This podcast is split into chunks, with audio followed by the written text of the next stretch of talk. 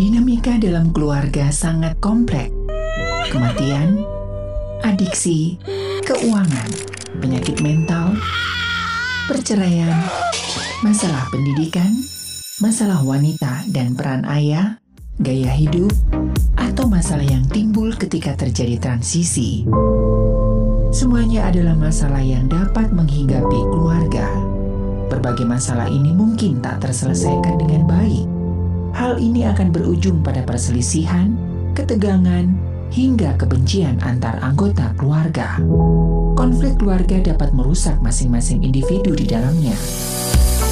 Bersama narasumber yang berkompeten di bidangnya, akan mengasah keterampilan dalam menyelesaikan masalah secara efektif dalam pelangi kasih. 92,5 Maestro FM House with the Sound. Shalom dan apa kabar Sobat Maestro? Kembali program Pelangi Kasih hadir di tahun yang baru ya Tahun 2023 Saya Ari mewakili segenap kru yang bertugas Mengucapkan selamat tahun baru 2023 Semoga di tahun yang baru di tahun 2023 ini Menjadi tahun yang lebih baik dari tahun-tahun sebelumnya. Nah Sobat Maestro seperti biasanya ya Setiap memasuki tahun tahun baru pasti ada satu kata yang viral ataupun yang kerap kita dengar di berbagai media yaitu resolusi. Dalam program Pelangi Kasih mengawali tahun baru 2023 ini, saya juga akan mengajak Anda untuk membuat sebuah resolusi. Saya sudah mengumpulkan beberapa informasi yang terkait dengan resolusi ya, bagaimana itu kita menyusun resolusi yang wajar dan apakah benar sih resolusi itu hanya hanya sebagian aja yang bisa kita laksanakan dan kebanyakan sih hanya beberapa bulan setelah itu gagal dan hanya sedikit orang yang bisa mencapai sampai garis akhir. Lalu bagaimana cara membuat resolusi yang sebaiknya begitu ya? Jangan ke mana-mana, tetap di Pelangi Kasih. Halo teman semua, ayo kita sambut Hari baru telah tiba rasakan Ku ingin engkau tahu Dan berbagi bersama. Buka kita buka hari yang baru Sebagai semangat langkah ke depan. Jadi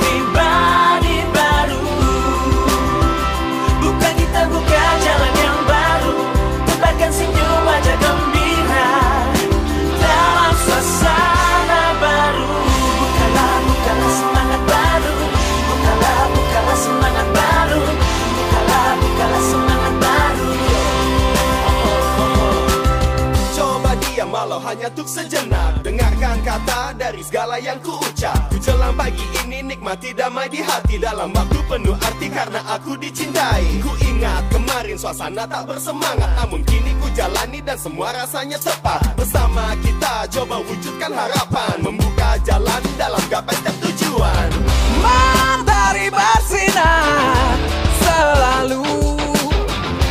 Ini yang ku minta penuh semangat Bersamamu teman semua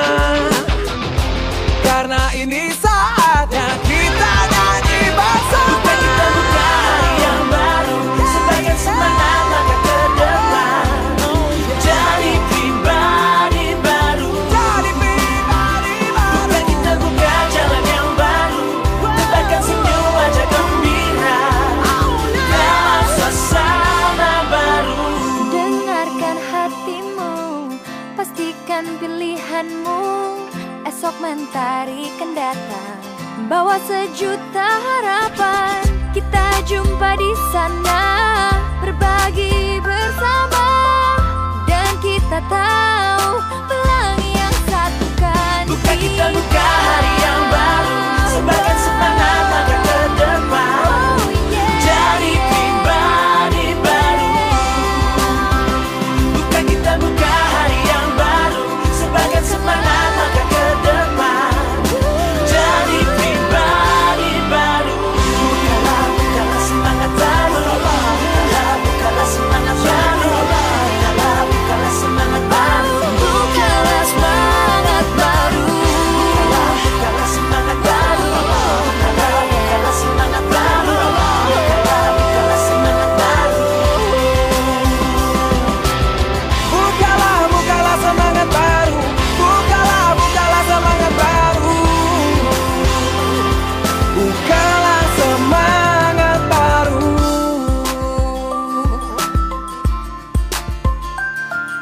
baru, semangat baru.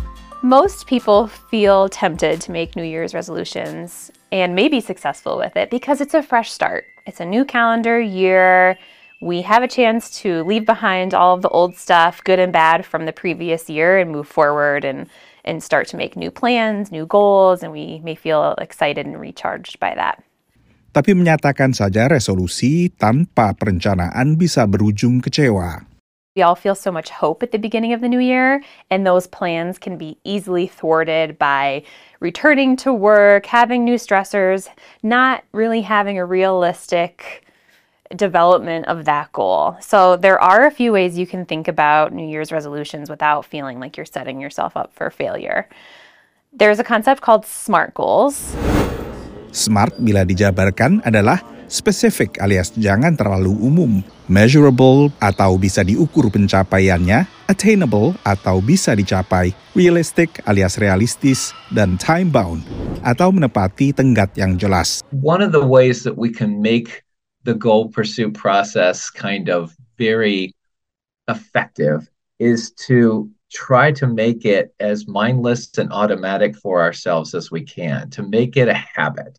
So you think about if somebody commits themselves to, I'm going to lose weight, or, you know, that having a concrete plan of when you're going to get up every day to do it, how, who you're going to go with, you know, joining a, a class so that you have the responsibility of going this regular time every day for this many days of the week, et cetera. That the more concrete we can be, the more specific we can be about how we will complete the things that are necessary to move, make progress toward our goal, the more likely we are to actually realize them. Dan bila sekali-sekali kelupaan atau terpleset, jangan cepat putus asa.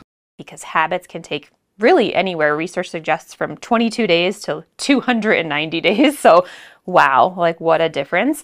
And so, giving yourself maybe 30 to 90 days to really work on one specific goal and build on that goal throughout. Berbagai survei menempatkan target soal kebugaran atau keuangan sebagai resolusi favorit banyak orang. Selain resolusi untuk lebih sering meluangkan waktu bersama keluarga hingga mengurangi penggunaan media sosial.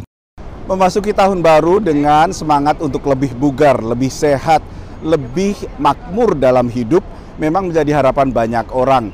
Tapi pepatah di Amerika Serikat mengatakan a goal without a plan is just a wish alias sebuah target tanpa perencanaan matang hanya sekedar impian saja. Sobat Maestro, setiap tahun baru orang biasanya membuat target yang ingin dicapai menyambut hari-hari mendatang. Di sisi lain ada juga orang-orang yang memilih untuk tidak membuat resolusi dan membiarkan hari-hari mengalir seperti air. Mengalir seperti air sampai ke laut. Bengawan Solo deh ya.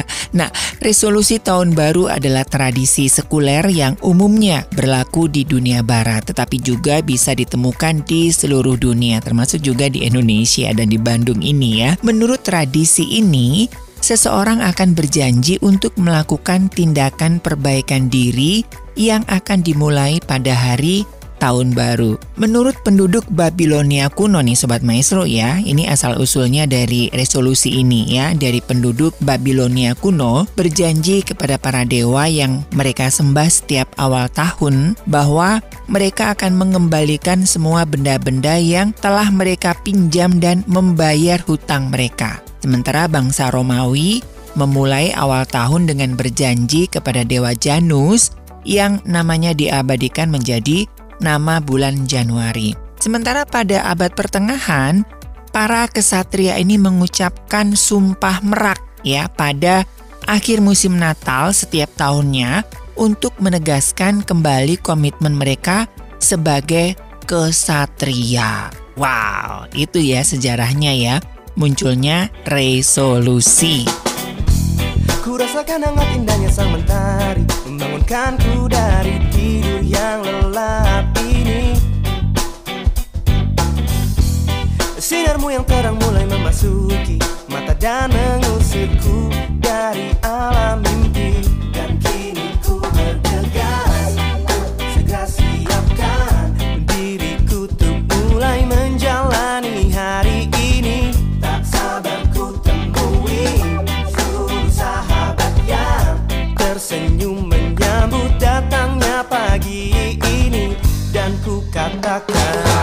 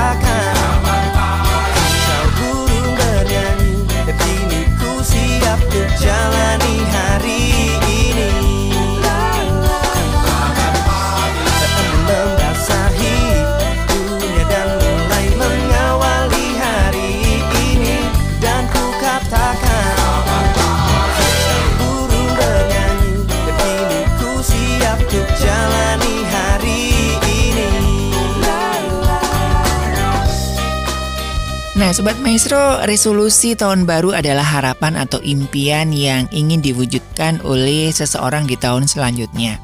Bisa dibilang, resolusi ini merupakan janji pada diri sendiri untuk memulai sesuatu yang baik atau berhenti berperilaku buruk di tahun depan. Setiap orang tentunya berhak memiliki resolusi tahun baru sesuai dengan harapan masing-masing bahkan bisa bersifat yang sangat sederhana dan personal.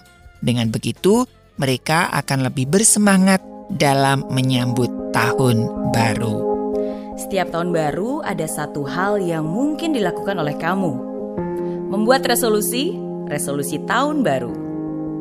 Pokoknya tahun ini nggak mau tahu harus selesai skripsi biar lulus nggak molor lagi. Harus bisa diwisuda biar nggak lagi nyusahin mama papa. Pokoknya tahun ini harus diet biar badan lebih singset. Pokoknya tahun ini harus bisa bangun lebih pagi. Pokoknya tahun ini nih harus sisihin uang untuk investasi. Pokoknya tahun ini harus bisa jalan-jalan ke luar negeri. Pokoknya tahun ini harus bisa lebih sabar, lebih disiplin, dan masih banyak lagi. Ingin ini, ingin itu. Janji ini, janji itu. Tapi sadar nggak ya, kok setiap tahun hasilnya nggak beda? Yang dimauin itu-itu aja, yang ditulis ya kurang lebih sama. Tahu nggak kenapa? Karena bertahun-tahun kamu buat resolusi dan bertahun-tahun juga kamu nggak pernah nepatin janji. Inginnya kurus, tapi tiap malam pesan martabak terus. Berharap punya pacar baru, tapi masih belum bisa move on sama mantan yang dulu. Maunya sih baca buku lebih banyak lagi. Tapi baru baca satu halaman saja, udah terdistract sama acara TV. Maunya sih naik gaji, terus dapat promosi.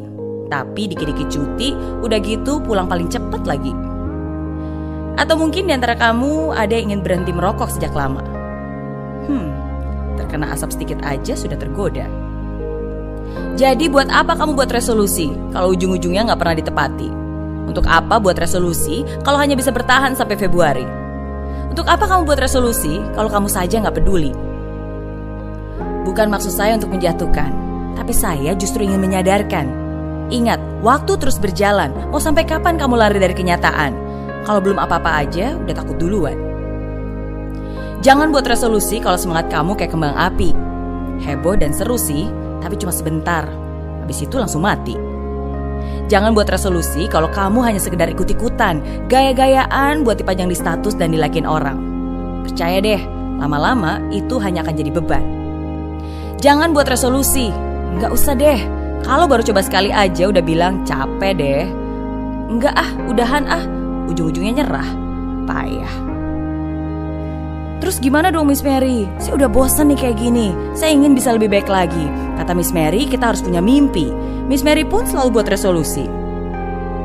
Memang benar, hidup itu harus punya mimpi. Tapi sebelum kamu buat resolusi, saya ingin kamu bisa introspeksi.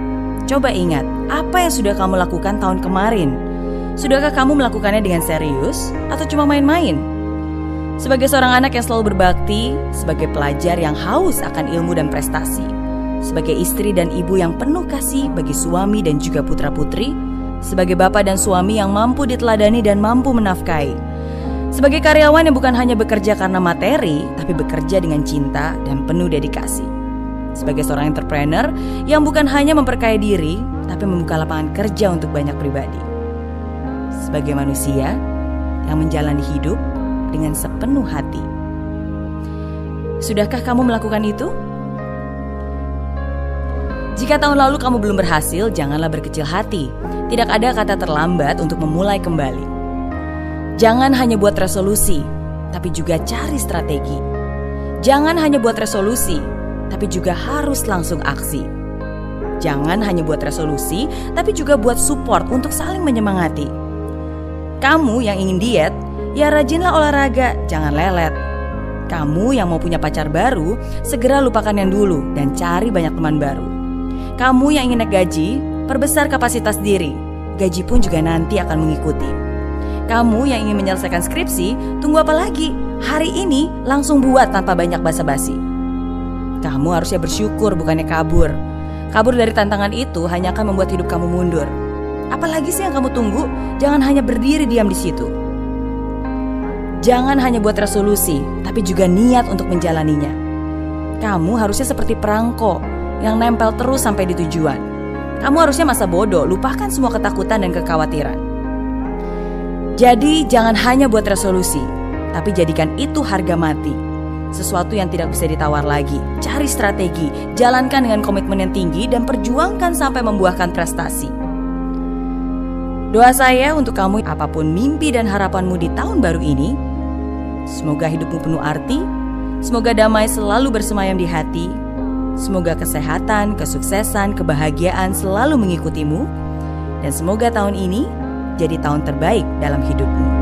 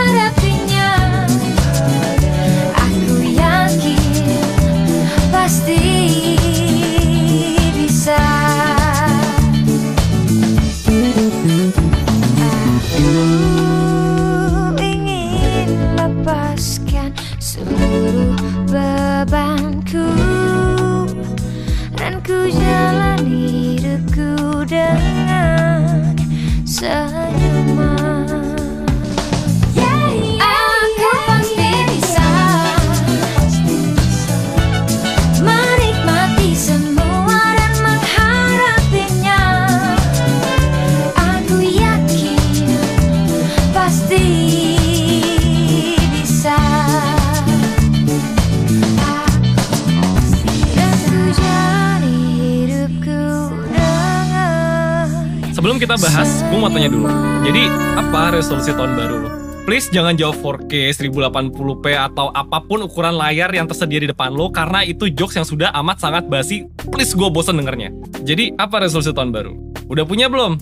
Udah punya? Oke. Kalau udah punya, gue mau mengucapkan selamat sama lo, karena dalam kurang dari 6 minggu ke depan, lo akan menjadi orang-orang yang mengecewakan buat diri lo sendiri. Kenapa begitu? Kenapa sebagian besar orang yang bikin resolusi tahun baru itu bubar dan ambiar sebelum 6 minggu? Dan apa sih yang harusnya lo lakuin biar nggak gitu? Oke, kita mulai pembahasannya. Jadi gini, riset mengatakan 68% orang yang bikin resolusi tahun baru, itu resolusi tahun barunya tidak akan melewati bulan Januari. Sebelum tanggal 31, lu udah bubar. 68%. Kemudian, di atas 90% itu akan bubar sebelum tanggal 14 Februari. Jadi, 6 minggu gitu super pendek ya niatnya orang-orang ini ya. yang katanya mau olahraga tiap hari, mau jadi rajin, mau bangun pagi. Pendek ya umur janjinya ya. Gak sampai 6 minggu semuanya. Oke, tenang, tenang, tenang, tenang. Gue di sini bukan cuma mau ngasih tau kenyataan pahit, tapi gue akan jelasin juga kenapa sih seperti itu sebetulnya. Jadi gini, sebetulnya apa sih resolusi tahun baru gitu? Ya itu kan sebetulnya apa ya, kayak kita tuh bikin target buat gue mau ngapain sih sebetulnya di tahun berikutnya kan gitu. Yang jadi masalah adalah kadang-kadang target lu tuh ya cuman di angan-angan aja gitu. Pernah dengar soal smart goals nggak? Basically smart goals itu ngasih tahu bahwa ketika kita bikin target, itu target itu ada ukurannya. Target tuh harus spesifik. Jadi jangan cuma bilang tahun depan gue bakal rajin. Nah, definisi rajin lu tuh apa? Empat kali seminggu, tiga kali seminggu, lima kali seminggu. Tahun depan gue bakal bangun pagi. Pagi lu jam berapa? 10, 9, 8, 7, 6, 5, jam berapa gitu kan. Jadi harus spesifik. Dan ada beberapa ada beberapa klasifikasi lagi yang kita bisa bisa gunakan untuk mengukur apakah target kita itu adalah sebuah target yang bagus atau enggak. Intinya yang namanya target, yang namanya goal itu harus spesifik, harus bisa diukur, harus bisa di-achieve, kemudian harus realistik dan harus ada batas waktunya. Oke, jadi buat kalian yang targetnya masih halu, cuman kayak gue pingin rajin, gue pingin ganteng, gue pingin lebih baik, whatever gitu ya, yang kagak jelas apa patokannya. Oke, karena kalau goal lu kagak jelas, resolusi kagak jelas, kagak bakal nyampe. Oke, itu syarat pertama. Lu harus punya goal yang jelas. Goal yang jelas seperti apa? Yang smart. Itu adalah alasan pertama banyak banget orang resolusinya gagal. Kenapa? Karena goalnya nggak jelas. Ya lu bayangin aja gitu. Lu cuma bilang, gue pingin rajin gitu. Tapi lu nggak bilang rajinnya berapa. Terus minggu pertama rajin lu adalah lima hari gitu kan. lima hari seminggu. Minggu kedua terus lu pikir, empat hari masih rajin nih kayaknya masih cukup oke lah gitu kan. Minggu ketiga terus turun jadi turun turun lama-lama lu tidak melakukan sama sekali. Di mana rajinnya gitu kan. Jadi itu harus harus jelas dulu goalsnya.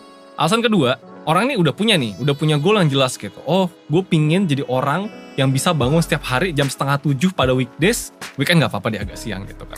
Udah punya nih goalnya jelas gitu kan. Tapi lu nggak punya rencana. Nah lo tahu nggak bedanya goal sama rencana banyak orang tahu aja kagak gitu bedanya antara goal sama rencana jadi gini, goal itu adalah gue pingin bangun pagi, gitu kan. Nah, plan atau rencana adalah gimana caranya lu bangun pagi. Cuma ngomong doang, gue bakal bangun pagi gitu. Tapi lu gak masang alarm. Lu gak ngeplan kalau bangun pagi terus mau ngapain gitu. Ya basi lah kagak bakal kejadian. Gue pingin kaya gitu. Itu kalau gue tuh goal yang buruk kan. Oh gue benerin deh. Gue pingin tahun bulan depan penghasilan gue naik tiga kali lipat. Tapi lu gak bikin plan gitu. Datang dari mana? Lu berharap tiba-tiba ada duit dari langit. Bus gitu. Yang gajinya yang besar adalah dua kali gaji lu. Kan gak mungkin gitu ya. Ya mungkin sih kalau misalkan lu nemu jin botol gitu tengah jalan, tapi kan most likely enggak. Nah, jadi itu adalah alasan kedua. Makanya kenapa sebagian besar orang resolusinya gagal gitu kan? Karena orang-orang tuh pada nggak jelas goalnya apa, yang bisa bikin goalnya jelas pun belum tentu bikin rencana gitu kan.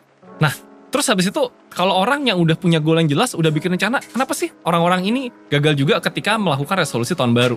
Kenapa coba menurut lo? Kepikiran nggak? Kenapa orang-orang yang bisa bikin goal dan rencana yang jelas itu juga tidak berhasil di resolusi tahun baru? Tahu nggak kenapa? Karena ketika lo sudah punya goal yang jelas, lo sudah punya plan yang jelas, lo tidak perlu nunggu tahun baru. Nggak perlu. Dari kemarin-kemarin begitu, oh ya gue udah punya goal, gue udah punya plan, gue bisa eksekusi, gue mulai dari sekarang. Psst, itu yang dilakuin. Orang-orang kayak kalian yang bikin resolusi tahun baru itu biasanya adalah orang-orang yang sebetulnya nggak siap sih, kayak nggak siap goalnya, nggak siap plannya, tapi kepepet aja gitu kan. Orang-orang pada bikin resolusi, ah gue juga, ah gue pengen perbaiki hidup gue gitu. Tapi lo nggak punya goal dan plan yang jelas. Akhirnya apa? Akhirnya yang ada adalah lo justru kecewa sama diri lo sendiri dalam waktu 6 minggu ke depan. Lo akan ngeliat diri lo kayak, kenapa gue gini aja nggak bisa? Gue cupu, gue nggak bisa berbuat lebih baik buat diri gue sendiri. Nah, akhirnya justru kontraproduktif kan bukannya lo justru lebih baik karena resolusi lo, tapi karena resolusi lo nggak jelas, lo gagal, akhirnya lo justru memandang buruk diri lo sendiri. Gitu. Ibarat kata nih, orang yang belum punya goal, belum punya plan, terus oh udah mau tahun baru, yaudah deh gue bikin resolusi aja gitu kan, terus ngasal. Itu tuh kayak orang, tau gak sih lo kayak orang yang nikah terus ditanya, kenapa lo nikah sekarang gitu? Oh karena udah umurnya aja. Like, oke. oh, sorry. Kalian ada ya di antara kalian nikah cuma gara-gara udah umurnya? Ya udah maaf ya, tapi ya gitu deh. Lo ngerti lah maksud gue, oke? Ya udah. Jadi buat kalian yang sekarang udah terlanjur bikin resolusi gitu ya, percaya sama gue 90% lebih kemungkinan lu bakal gagal sebelum 6 minggu. Oke? Jadi kalau pingin lu perencanaan lo soal perbaikan hidup lo, soal perbaikan kualitas diri lo itu berhasil gitu kan, jangan andalkan tahun baru terus bikin resolusi. Bikinlah goal yang benar, bikinlah plan yang benar. Nih contohnya tadi bilang kan, gue udah bilang kan, lu kalau bikin goal yang benar ikutin smart goals, terus bikin plannya. Lu- Ya udah, uh, sekian dari gue, gue mau tahun baruan dulu ya. Bye guys. Hey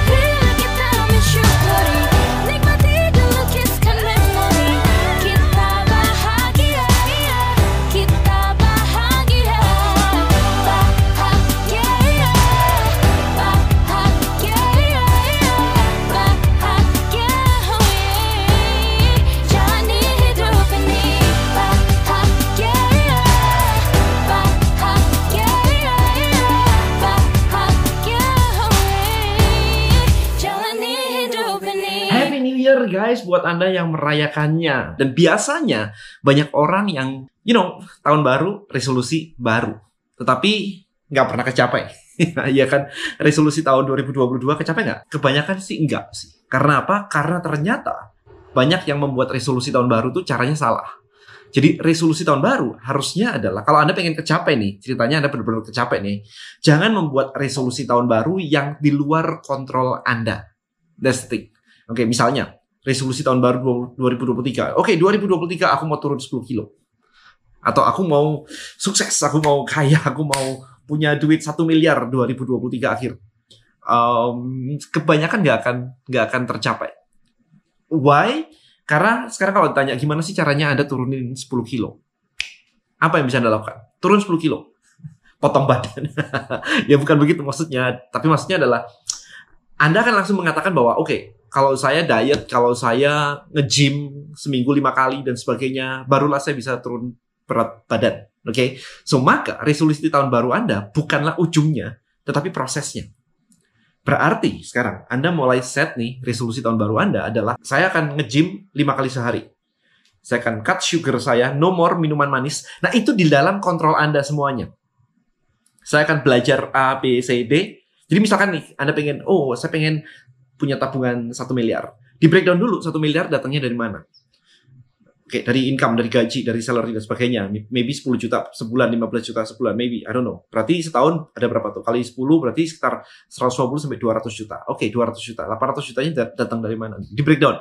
Bisa nggak di breakdown? Kalau nggak bisa di breakdown, itu bukan resolusi. Itu nggak jelas, mimpinya nggak jelas. Jadi resolusinya di breakdown jadi action plan. Yang diresolusikan adalah action plan-nya. Jadi misalnya Anda, um, oke, okay, kalau saya speaking, misalkan public speaking nih, saya bisa dapat undangan, saya bisa dapat 5 juta sekali speaking, misalnya. Tapi saya nggak bisa speaking. Oke, okay, berarti resolusi tahun baru Anda adalah di tahun 2023, at least quarter 1, saya harus menguasai skill yang namanya public speaking. Karena dengan skill public speaking, sambil saya membangun akun sosial media saya di niche tertentu, menjadi expert di bidang tertentu, maka Q2 saya mulai bisa menerima undangan speaking. Misalnya, ini misalnya aja dan setiap kali undangan, katakanlah sebulan saya dapat dua undangan, 5 juta setiap kali undangan, berarti saya menambahkan 10 juta. Oke, okay, 10 juta sebulan. Kali sisanya adalah berapa? 6 9 bulan berarti berarti 9 bulan dikali 10 juta berarti Anda dapat another 90 juta. Berarti dalam 2023 Anda sudah dapat tuh tadi 200 juta dari gaji plus kalau ada undangan speaking on weekend atau apa pun itu Anda bisa dapat another 10 juta berarti 90 juta. Totalnya berarti udah 290 juta lumayan ya, udah naik hampir 45% dari dari gaji pertama. Oke. Okay. Jadi bukan naik gaji bukan ditungguin aja begitu, bukan. Karena kalau ditungguin kan memang lama ya, memang wajarnya begitu, agak jarang, agak langka kalau setahun tiap tahun gaji Anda naik 30%, 30%, 30%. Kayaknya kok nggak bisa kayak begitu. Biasanya roughly 10%, 5%, 15% gitu ya tergantung uh, banyak faktor. Nah, kayak gitu caranya, teman-teman. Jadi ujungnya mau apa?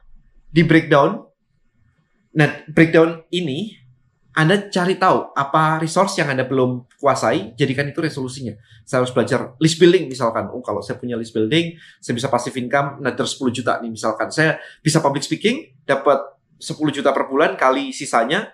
Tetapi saya juga bisa bikin list, habis itu saya ngajarin strategi saya dari nol, dari yang gaptek, takut sama kamera, berani public speaking nih. Saya bisa ngajarin itu.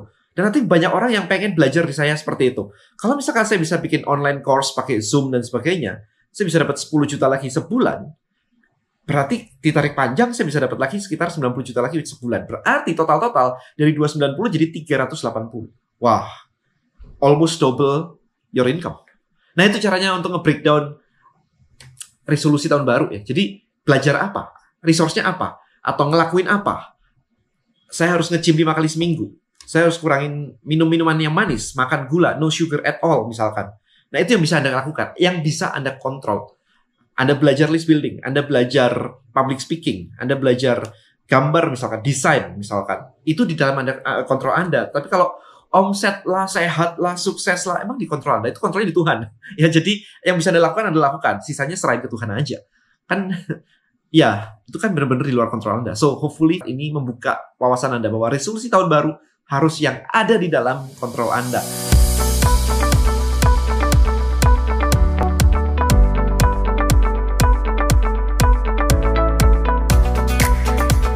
kali ini gue mau share dua hal penting tentang tahun baru, tentang pergantian tahun yang kalau lo terapkan dalam hidup lo, bisa bikin lo jadi cowok yang lebih baik. Pertama, berhubungan sama resolusi tahun baru. Sebagian besar orang gagal konsisten ngejalanin resolusi yang udah dia bikin. 80% lebih menyerah di bulan pertama dan kedua. Gimana biar resolusi tahun baru lo nggak sekedar jadi resolusi yang cuma diucapkan? Intinya satu, jangan banyak-banyak bro. Saran gua, bikin resolusi yang berhubungan sama tiga hal. Harta, fisik, status. Harta, misal lo mau belajar satu high income skill sampai jago, misal bahasa Inggris. Fisik, lo mau lebih rajin olahraga minimal seminggu tiga kali. Status, lo mau mulai berbagi manfaat ke masyarakat, misal dengan rutin beramal. Udah, tiga itu aja. Terus jaga, pegang terus, jangan sampai lepas. Minimal lo rutinin sampai 90 hari, sampai itu jadi gaya hidup lo.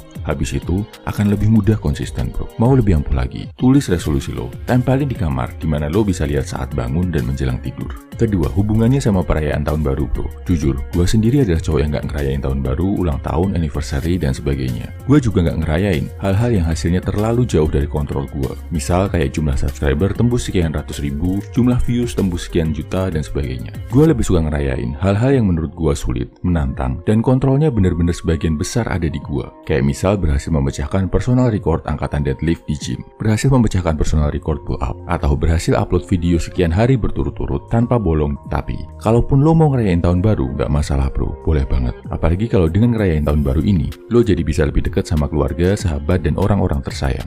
Pesan gue, sebelum merayakan tahun baru, ingat dua hal ini bro. Pertama, bersyukur. Berterima kasih ke Tuhan karena lo udah diberi kesehatan dan kekuatan sampai bisa survive melewati tahun ini. Kedua, introspeksi. Lihat ke belakang. Evaluasi hidup lo dalam setahun ke belakang. Apa aja yang udah bagus, apa yang bisa ditingkatkan, apa yang harus dikurangi, dan apa yang wajib ditinggalkan di tahun depan. Lakuin perayaan tahun baru dengan rasa syukur dan introspeksi. Otomatis, lo akan beda dari sebagian besar orang yang cuma mengisi malam perayaan tahun baru dengan kesenangan sesaat. Selamat buat lo bro, para pria yang berhasil survive melalui tahun ini. Siapkan tenaga lo, perjuangan kita masih akan berlanjut di tahun depan. Semangat bro.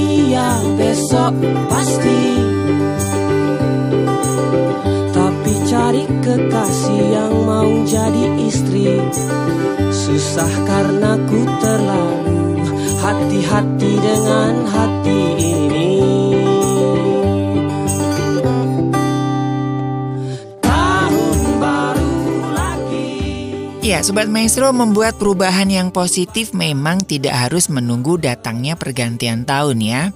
Namun tidak ada salahnya menjadikan pergantian tahun sebagai momen untuk mengawali perubahan positif tersebut.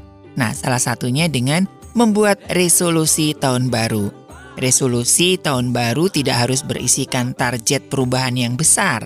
Tak jarang, resolusi tahun baru yang terlampau besar justru sulit diwujudkan. Semoga informasi yang kami hadirkan dari beberapa rangkuman ya yang sudah saya uh, kumpulkan bisa memberikan semangat buat Anda, memberikan guidance ya ketika Anda mungkin hari ini mulai membuat resolusi terus menjalaninya sampai akhir tahun 2024 nanti begitu ya. Amin, amin, amin, amin.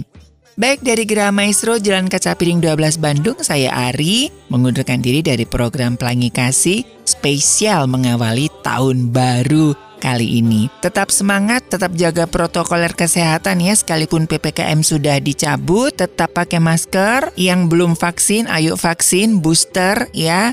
Dan tentunya tetap semangat. Tuhan memberkati. Tak perlu kau ajak aku bicara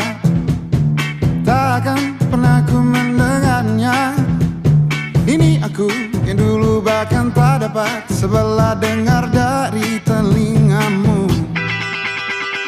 Tak perlu bersolek berwangi bunga. Tak akan mampu luluhkan hatiku. Ini aku yang dulu bahkan tak dapat. Sebelah mata dari pandanganmu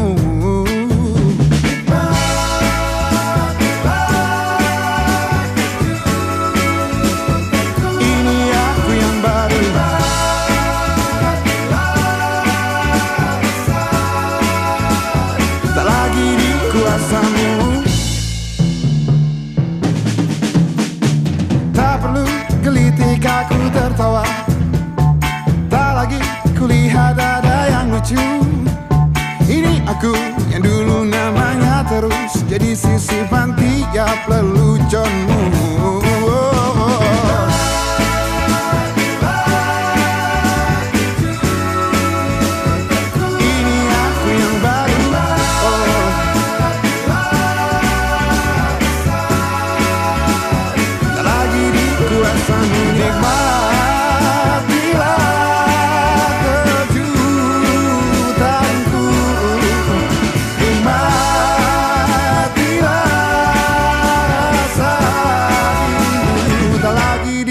di